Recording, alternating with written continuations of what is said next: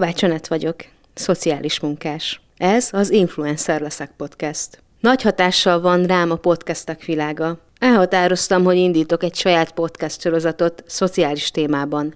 Célom, hogy bemutassam a szociális és egyéb segítő szakemberek munkáját, és a szakember mögött rejlő emberi ényét. Azt keresem, mi segítette ahhoz, hogy azzá váljon aki, mi az ő eszenciája, ezzel is emelve a szociális szakma és a szakemberek értékét.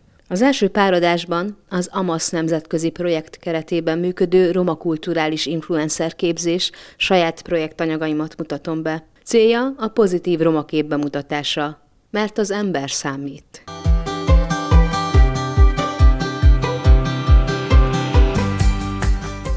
Sziasztok, ez az Influencer leszek első adása, úgyhogy most debütálunk. Itt vagyok Kékesi Alexandránál, Mandarinnál. Az egyik kedves ismerősünk ajánlott igen, és ő is előzetesen elmondta, hogy nagyon nagy lelkesedéssel fogadtad ezt a beszélgetést. Azt látom ebből, azt hallom ki, hogy tényleg nagyon nyitott vagy ezekre a beszélgetésekre. Szerintem én, én így születtem. Ez a, igen, ez így valahogy a személyiségemnek a része. Ez az állandó kíváncsiság, meg a mások iránt való érdeklődés, és hogy ez sok-sok lehetőséget hozott eddig az életemben hogy a személyiségemnek van egy ilyen, egy ilyen része, mert hogy rengeteg izgalmas ügybe keveredem emiatt, mint például a mai. E, és amikor beszéltünk a telefonban, akkor e, ugye kérdeztem, hogy e, hogyan szólíthatlak, és mindjárt mondtad, hogy, e, hogy mandarinnak hív egyébként mindenki, és már majdnem belekezdtél ebbe, és mondtam, nem, nem, ezt majd hagyjuk az interjúra, mesélnél erről, hogy honnan jön ez a mandarin név.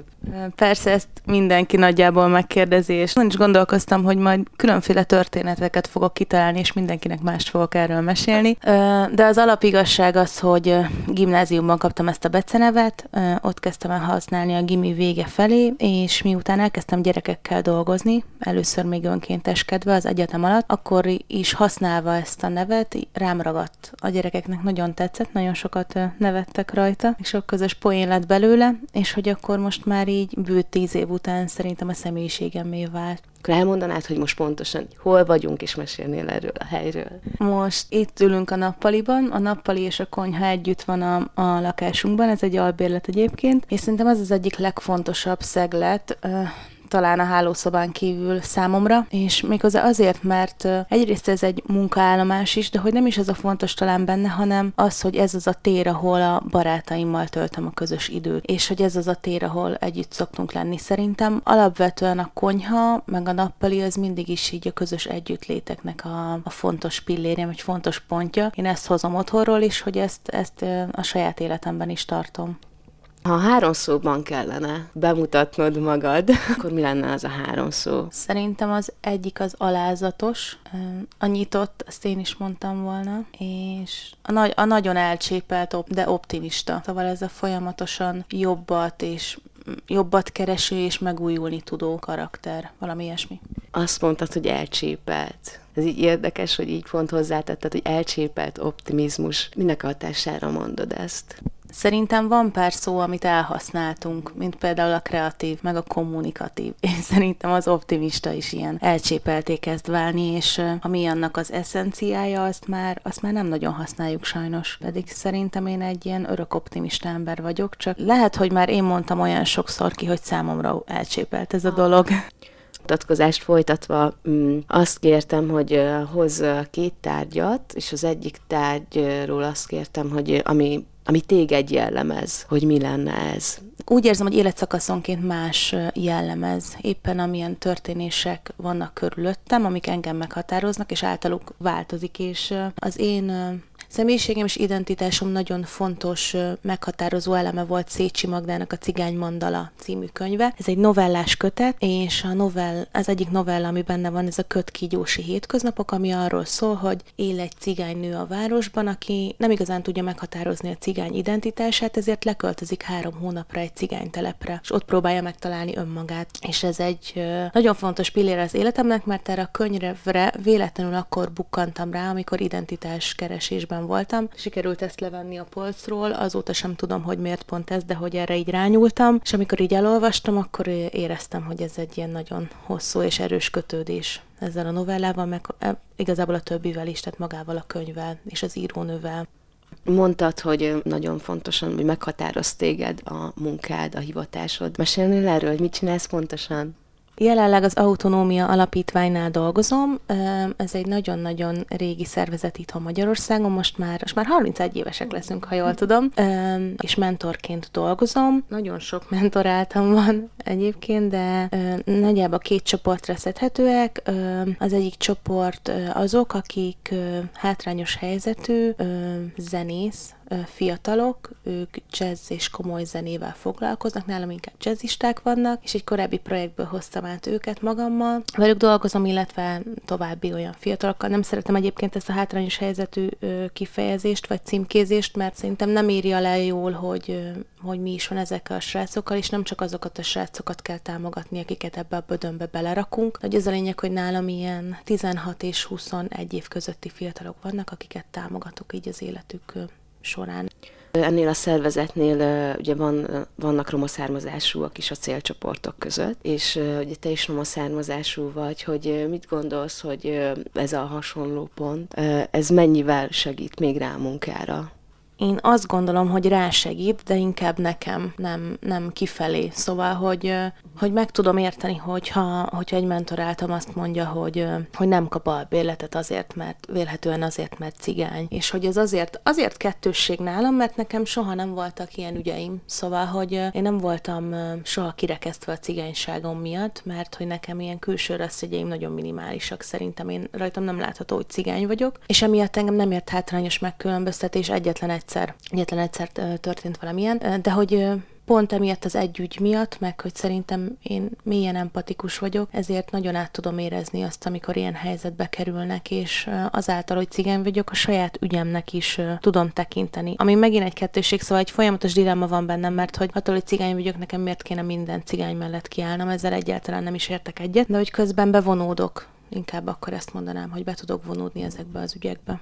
Igen, a bevonódás a szociális szakembereknél egyébként is egy ilyen sarkallatos pont. Ez nagyon nehéz volt, ez sok-sok év munkája volt, hogy, hogy megállt tudjak ennek parancsolni, illetve szerintem a bevonódásnak is azért vannak szakaszai.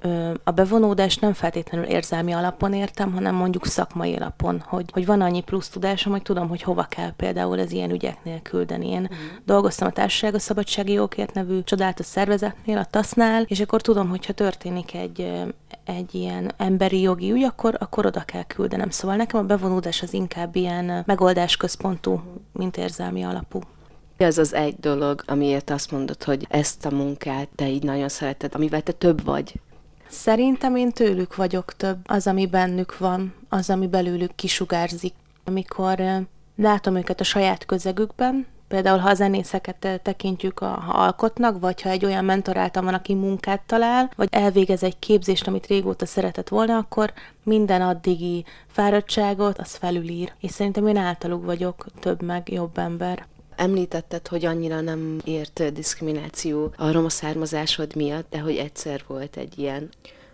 Nálam azt tudni kell, hogy egy ilyen, hát szerintem 6-7 éve lett az életemben így központibb szerep a, a roma identitásom. Én addig nem igazán vállaltam. Voltak ezzel problémáim, és, és az utcú volt az a szervezet, akinek a segítségével tudtam magamat vállalni, magamat megismerni, és ezt mások felé kommunikálni, amiért nagyon hálás is vagyok nekik. És valószínűleg ennek köszönhető az is, hogy ez az egy eset, ami történt, ez, ez úgy folyt le bennem, ahogy, ahogy lefolyt és nem okozott nagyobb törést. Ez szerintem két évvel ezelőtt történt nyáron, az első koronavírusos kör után, amikor elmentünk bulizni a, a barátaimmal. Szombat este volt, és úgy nézett ki a csapat, hogy két cigány barátom, én is egy nem cigány barátnőm, akin láthatóan látszott, hogy nem cigány.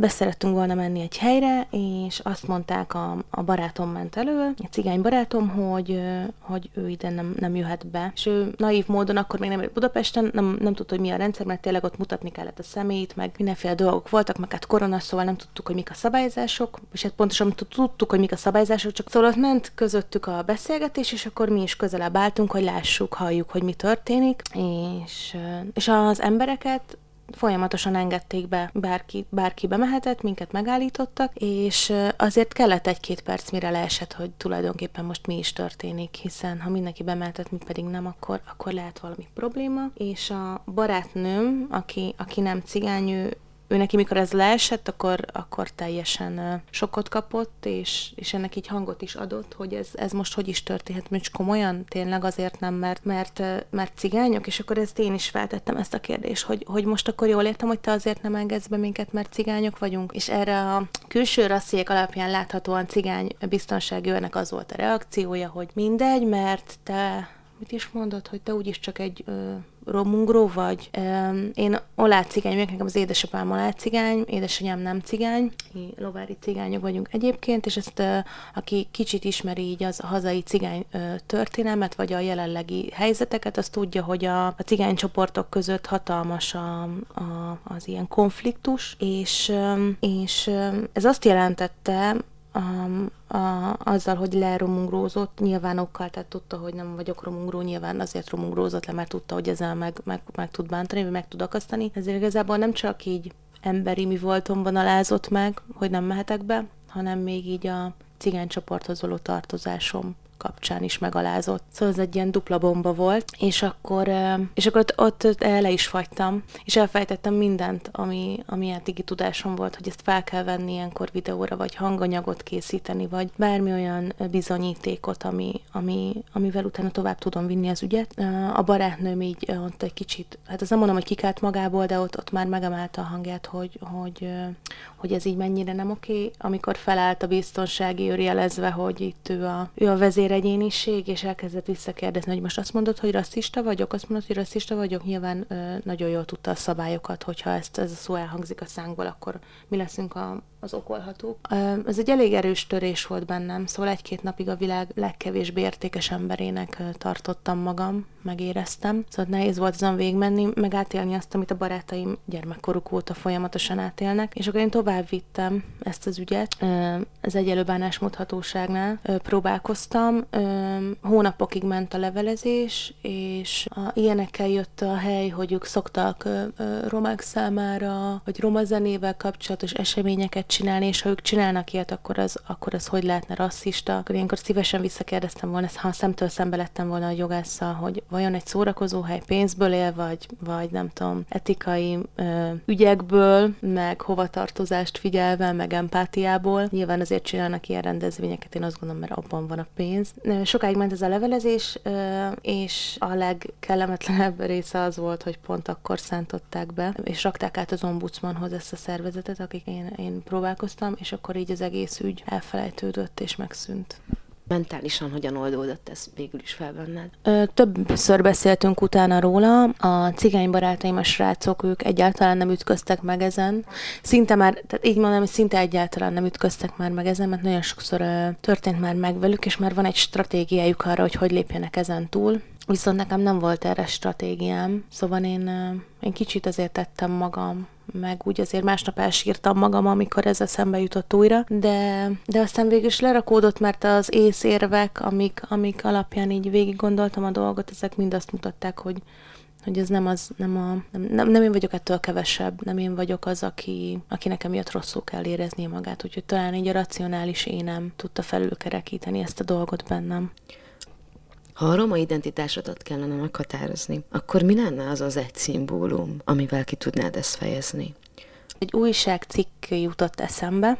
Édesapámnak az anyukája már meghalt, mire megszülettem, pár hónapos különbséggel, és anyukám nagyot, nagyon sokat mesélt róla gyermekkoromban, hogy mennyire várt engem a mama, és van egy újságcikk, ami megvan nekünk ott, ö, otthon, amin a mama van, ahogy a Pécsi vásárban lovakat árul. És ennek van egy ilyen nagyon érdekes ügye, mert hogy én 7 évig éltem Pécsen, és én nagyon-nagyon szeretem ezt a helyet, és hogy emiatt nekem kicsit ilyen ö, misztikus ez az újságcikk, hogy nagyon szép arról olvasni, hogy a, hogy a mamám azt a fajta munkát végezte, ami a, a családunknak az egy, egy ilyen nagyon fontos ö, alapmegélhetése volt, ami egy kulturális ö, dolog, ami a cigánysághoz köthető, ami a családunkhoz köthető, és hogy bár nem ismertem őt, de hogy valahogy mégis így a távlatból tudunk kapcsolódni a, a Pécsel. Most ö, éppen azon dolgoztam, hogy megszerezzem még azokat a családi erekéket, amik, amik még meg lehetnek például a mamám fejkendőit most sikerült összegyűjteni, de hogy prób- próbálnék megtalálni minél több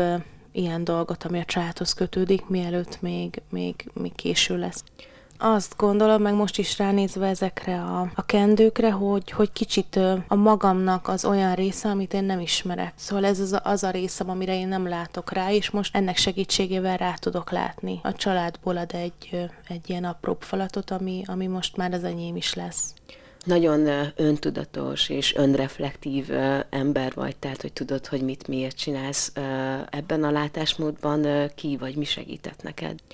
Gondolkodásmódot, az alapértékeket, azokat a szüleim teremtették meg maximálisan, és ezeket viszem is tovább és teljesen egyet is értek velük. Az önreflektivitásom szerintem az a tanulmányaim során jött, amikor találkoztam először ezzel a szóval, hogy ez mit is jelent, hogy a magamra való rálátás, a magamon való dolgozás, hogy szerintem, ha ez egy emberben nincs meg, vagy nincs meg kellően erősen, akkor, akkor nem lesz képes a fejlődésre. És nekem ez mindig nagyon fontos volt, hogy mindig tanuljak valami újat, mindig legyek valami által több ki az a, vagy ha van ilyen ember, aki hozza neked a feedbacket az életedben?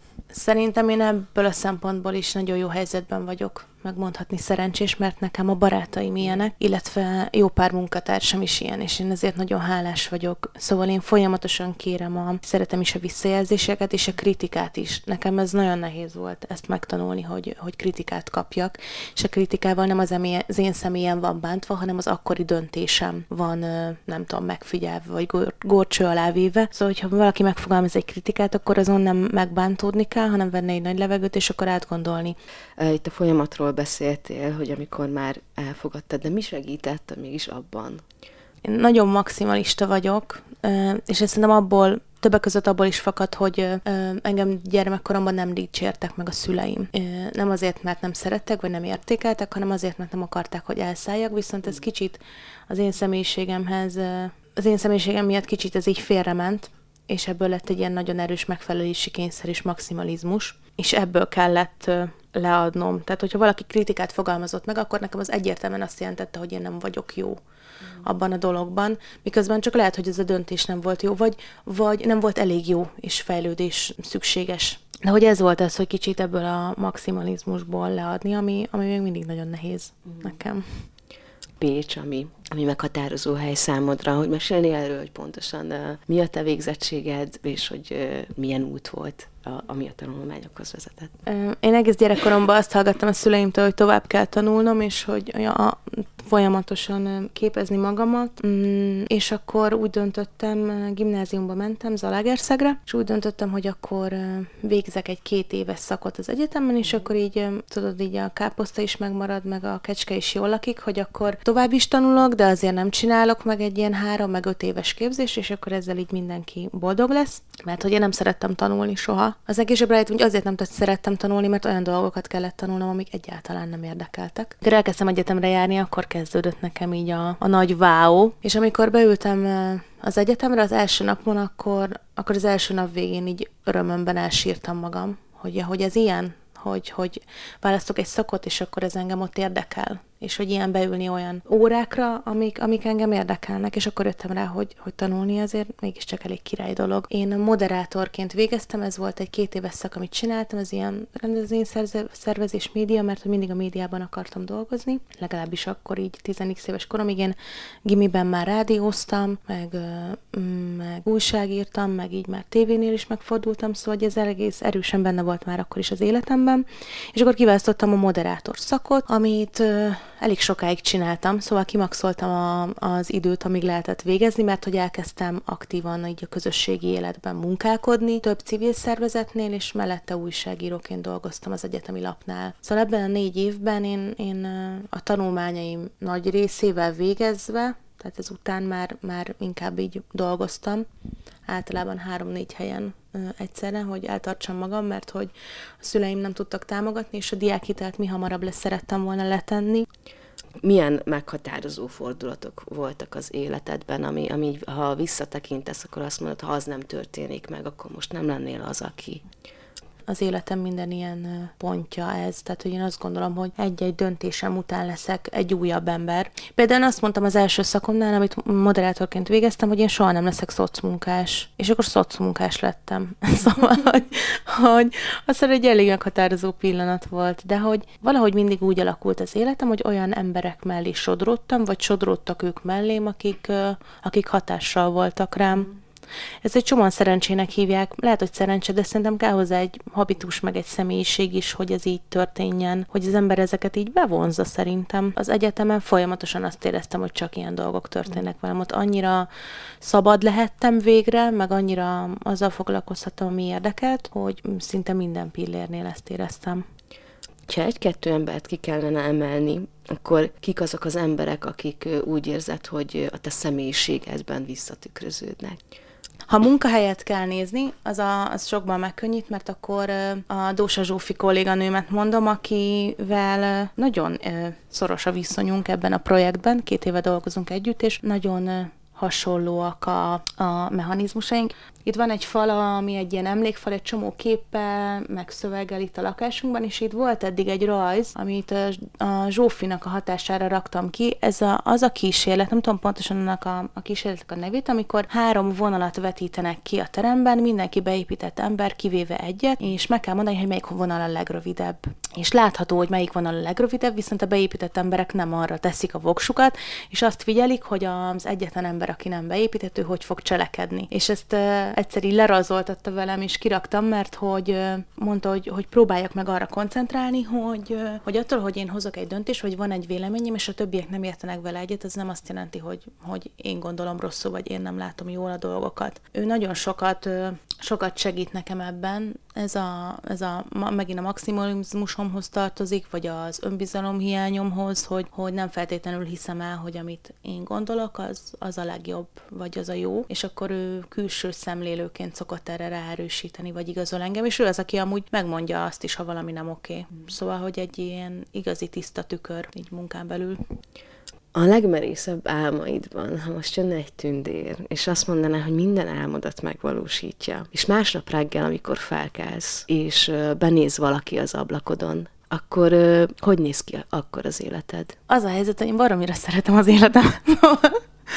De ha tényleg el kell rugaszkodni, akkor aki benéz az ablakomon, az, az Olaszországban van, ahol van egy ilyen baromi nagy haciendám, ilyen óriási ház, és az ottani, ottani gyerekekkel foglalkozom. Szóval én, én tökre el tudom képzelni magam úgy, hogy egyedül élek egy tök nagy házban, és hogy nagyon sok ember vesz engem körben. Tehát, hogy hasonló dolgot csinálok, amit most itthon csinálok ha már így az életed végén jársz, akkor mit szeretnél, hogy mit meséljenek rólad az emberek? Az az ember, akire bármikor lehet számítani, aki szerintem vicces, ki egy ilyen örök, egy ilyen boldogságot árasztó ember. Szóval nekem ilyet szoktak mondani, hogy úgy érzik így a rezgéseimet, meg hogy így feldobódnak a környezetemben, és hogy, hogy szeretném, ha így lenne, hogy úgy emlékeznének rám, hogy egy ilyen, egy ilyen mindig vidám, meg egy ilyen mindig odaadó ember voltam, hogy mindig boldog. Szerintem ennél nem is kell, nem is kell több. Köszönöm szépen. Ebben a beszélgetésben azt kerestem, hogy mandarin kitől vált azzá, aki most, és mi az ő eszenciája. És én nagyon szépen köszönöm ezt a beszélgetést. Kövessetek a Facebook oldalon, az Instagramon és a TikTokon, influencer leszek. Köszönöm, hogy itt voltatok.